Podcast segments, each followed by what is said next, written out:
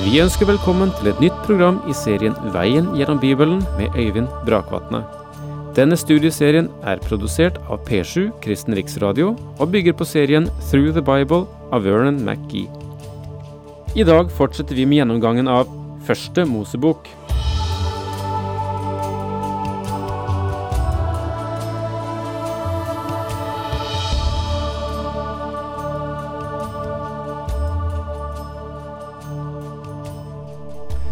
I dag begynner vi på det åttende kapittel i Første Mosebok. Men Gud kom i hu Noah og alle ville dyr og alle husdyr som var med ham i arken. Gud lot en vind blåse over jorden, og vannet begynte å synke. Havdypets kilder og himmelens luker ble stengt, og regnet fra himmelen stanset. Etter hvert trakk vannet seg tilbake fra jorden. Da 150 dager var gått, hadde det minket. Den syttende i den syvende måned ble arken stående på Araratfjellene. Bibelen forteller oss ikke bare om tiden det gikk å utvikle storflommen, men også hvor lang tid det tok for storflommen å trekke seg tilbake. Vi får vite at Gud kom i hu Noah. Og du verden så vakkert det er. Og at Gud lot en vind blåse over jorden, og vannet begynte å synke. Og det hendte ikke slik over natten. Det tok 150 dager fra flommen begynte til den nådde sin topp, og så tok det ytterligere 261 dager for den å trekke seg tilbake. Og det får meg til å tro at dette er noe mer enn en lokal oversvømmelse, som en del mener at det var. Og vannet minket mer og mer, helt til den tiende måneden. Den første dagen i den tiende måneden kom fjelltoppene til syne. Da 40 dager var gått, åpnet Noah den luken han hadde laget på arken. La oss si det slik at det var begynnelsen til slutten på storflommen. Legg merke til hva Noah gjør. Han slapp ut en ravn. Den fløy fram og tilbake til vannet var tørket bort fra jorden. Så sendte han en due ut for å se om vannet hadde sunket fra jordoverflaten. Og nå for en stund blir Noah en fugletitter. Han sender ut disse to fuglene, ravnen og duen. Men duen fant ikke noe sted hvor den kunne hvile sin fot, og kom tilbake til ham i arken, for det sto vann over hele jorden. Han rakte ut hånden, grep duen og tok den inn til seg i arken. Han ventet sju dager til og sendte så duen ut av arken igjen. Da det lette mot kveld, kom duen og hadde et friskt oljeblad i nebbet. Da skjønte Noah at vannet hadde sunket og var borte fra jorden, men han ventet enda sju dager. Så slapp han ut duen, og da kom den ikke tilbake til ham mer. Jeg vil her peke på en stor åndelig sannhet i dette åttende kapitlet om ravnen og duen. Etter at Noah hadde tilbrakt over ett år i arken, så sendte han ut en ravn, og ravnen kom aldri tilbake. Men duen kom flere ganger tilbake og hadde i nebbet sitt en liten kvist, et oljeblad. Jeg vet ikke hvorfor duen og oljebladet alltid har vært symbolet for fred, men det er det. Jeg kan ikke akkurat se at nøyaktig det er budskapet når duen vender tilbake andre gang. Men da duen ikke vendte tilbake, var det tegnet på at dommen var forbi, og at freden hadde vendt tilbake til jorden. Men selvfølgelig, mennesket som går ut av arken, er den samme type mennesker som Adams sønner var, som hadde forårsaket storflommen som en dom fra Gud til å begynne med. Og du vil komme til å se at det er ikke mye forbedring i menneskeslekten etter storflommen. Nei, faktisk er det ingen i det hele tatt. Der er en stor åndelig sannhet her som jeg ikke vil du skal gå glipp av. Noah er her opptatt av fugletitting. Han sender ut ravnen, og ravnen kommer ikke tilbake. Hvorfor kom den ikke tilbake? Her må du legge merke til hva ravnen eter. Den lever på åtsel. Det var en masse kjøtt av døde dyr som fløt omkring etter storflommen, og det var det den gamle ravnen åt. Han vendte ikke tilbake fordi han fant seg mange festmåltider og syntes at han hadde det bra. Ravnen ble sett på som en uren fugl, for å peke på det, da. Jeg har sagt før at alle store sannheter i Bibelen ligger gjemt som kimer i Første Mosebok. Bibelen lærer oss at den troende har to naturer, en gammel og en ny natur. Derfor, hvis noen er i Kristus, er han en ny skapning. Det gamle er borte, se, det nye er blitt til. Det rene og det urene lever sammen. Du og jeg som troende har disse to naturene. Herren sa, Det som er født av kjøtt, er kjøtt, men det som er født av Ånden, er ånd. Les Johannes 3,6. Og Paulus skriver, For jeg vet at i meg, det vil si, slik jeg er i meg selv, bor det ikke noe godt. Viljen har jeg, men å gjøre det gode makter jeg ikke. Paulus talte om en kamp mellom de to naturene, og der er en kamp også i dag mellom den gamle natur og den nye natur i en troende.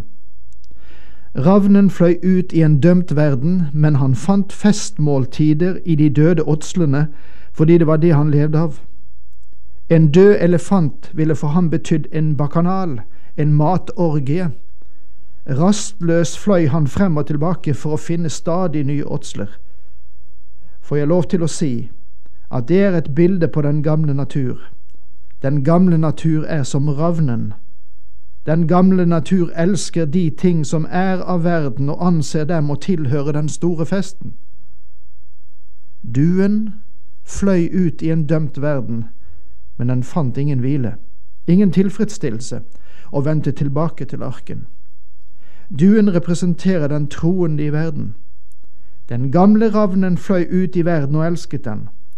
Da han fant et gammelt åtsel, trodde han kanskje at tusenårsriket var kommet.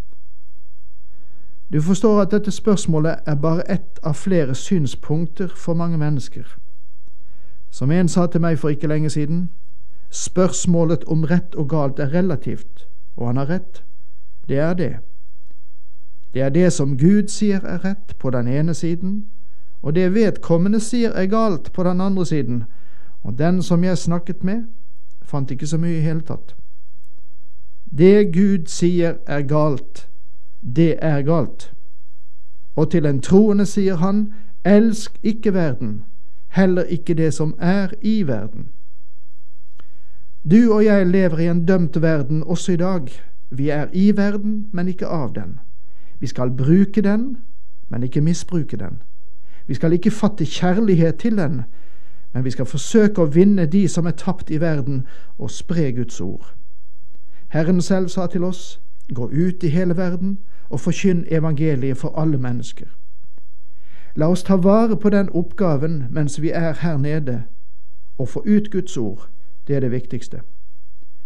Duen la merke til hva slags verden den var i, og fant ingen hvile. Den fant hvile i arken, og arken er et symbol på Kristus. Vil du legge merke til det? Kanskje vi skal stille hverandre et rent personlig spørsmål nå. Hvilke av disse to typer fugler ligner jeg? Er jeg ravnen eller duen? Om du er Guds barn, har du begge naturer.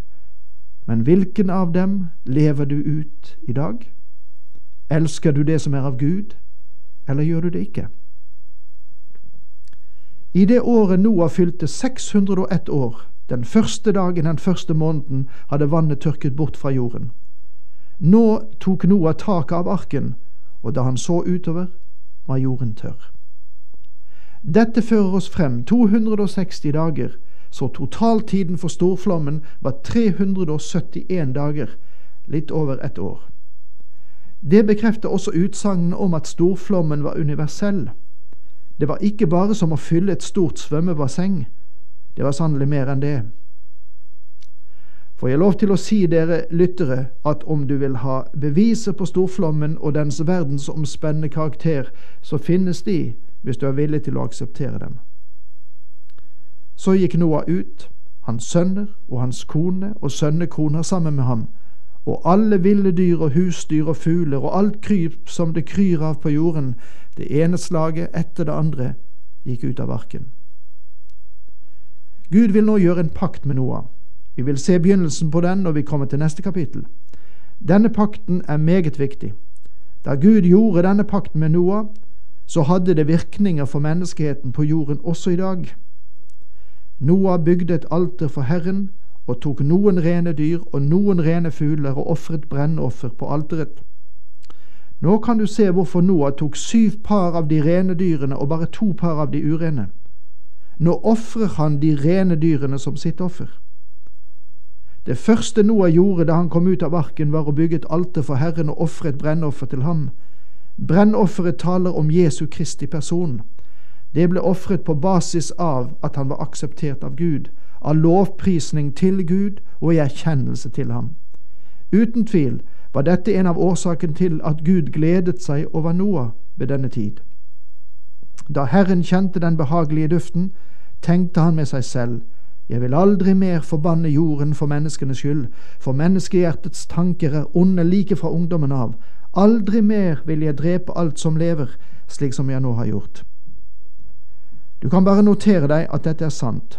Et blikk omkring oss er nok til å konstatere riktigheten av dette ordet fra Herren selv. Mennesket går i den samme retning, for menneskehjertets tanker er onde like fra ungdommen av. Det synes å være en skremmende nøyaktig beskrivelse av den tiden vi selv lever i. Så lenge jorden står, skal sæd og høst, kulde og varme, sommer og vinter, dag og natt aldri mer ta slutt. Og slik, mine venner, går verden videre, sin skjeve gang, i spenninger og vonde, som Paulus understreker det i Romerbrevets åttende kapittel. Der går et sukk gjennom skapningen, et sukk som venter forløsning.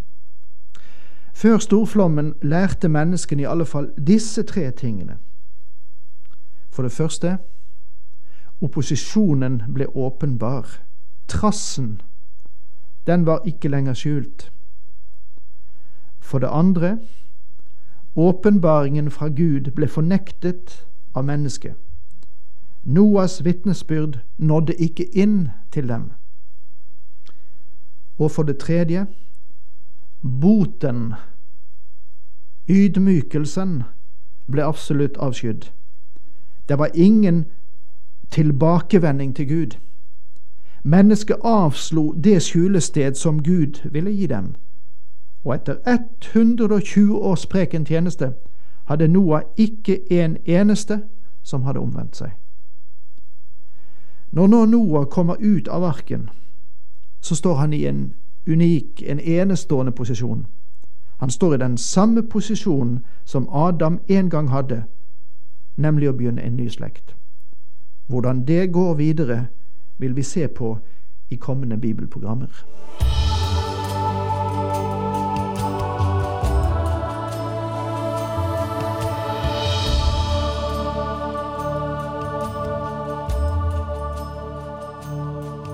Du hørte Øyvind Brakvatne i studieserien Veien gjennom Bibelen. Serien bygger på et manus av Vern McGee. Har du spørsmål eller kommentarer til programmet, kan du sende en e-post til vgb krøllalfa p7.no. Takk for i dag, og på gjenhør.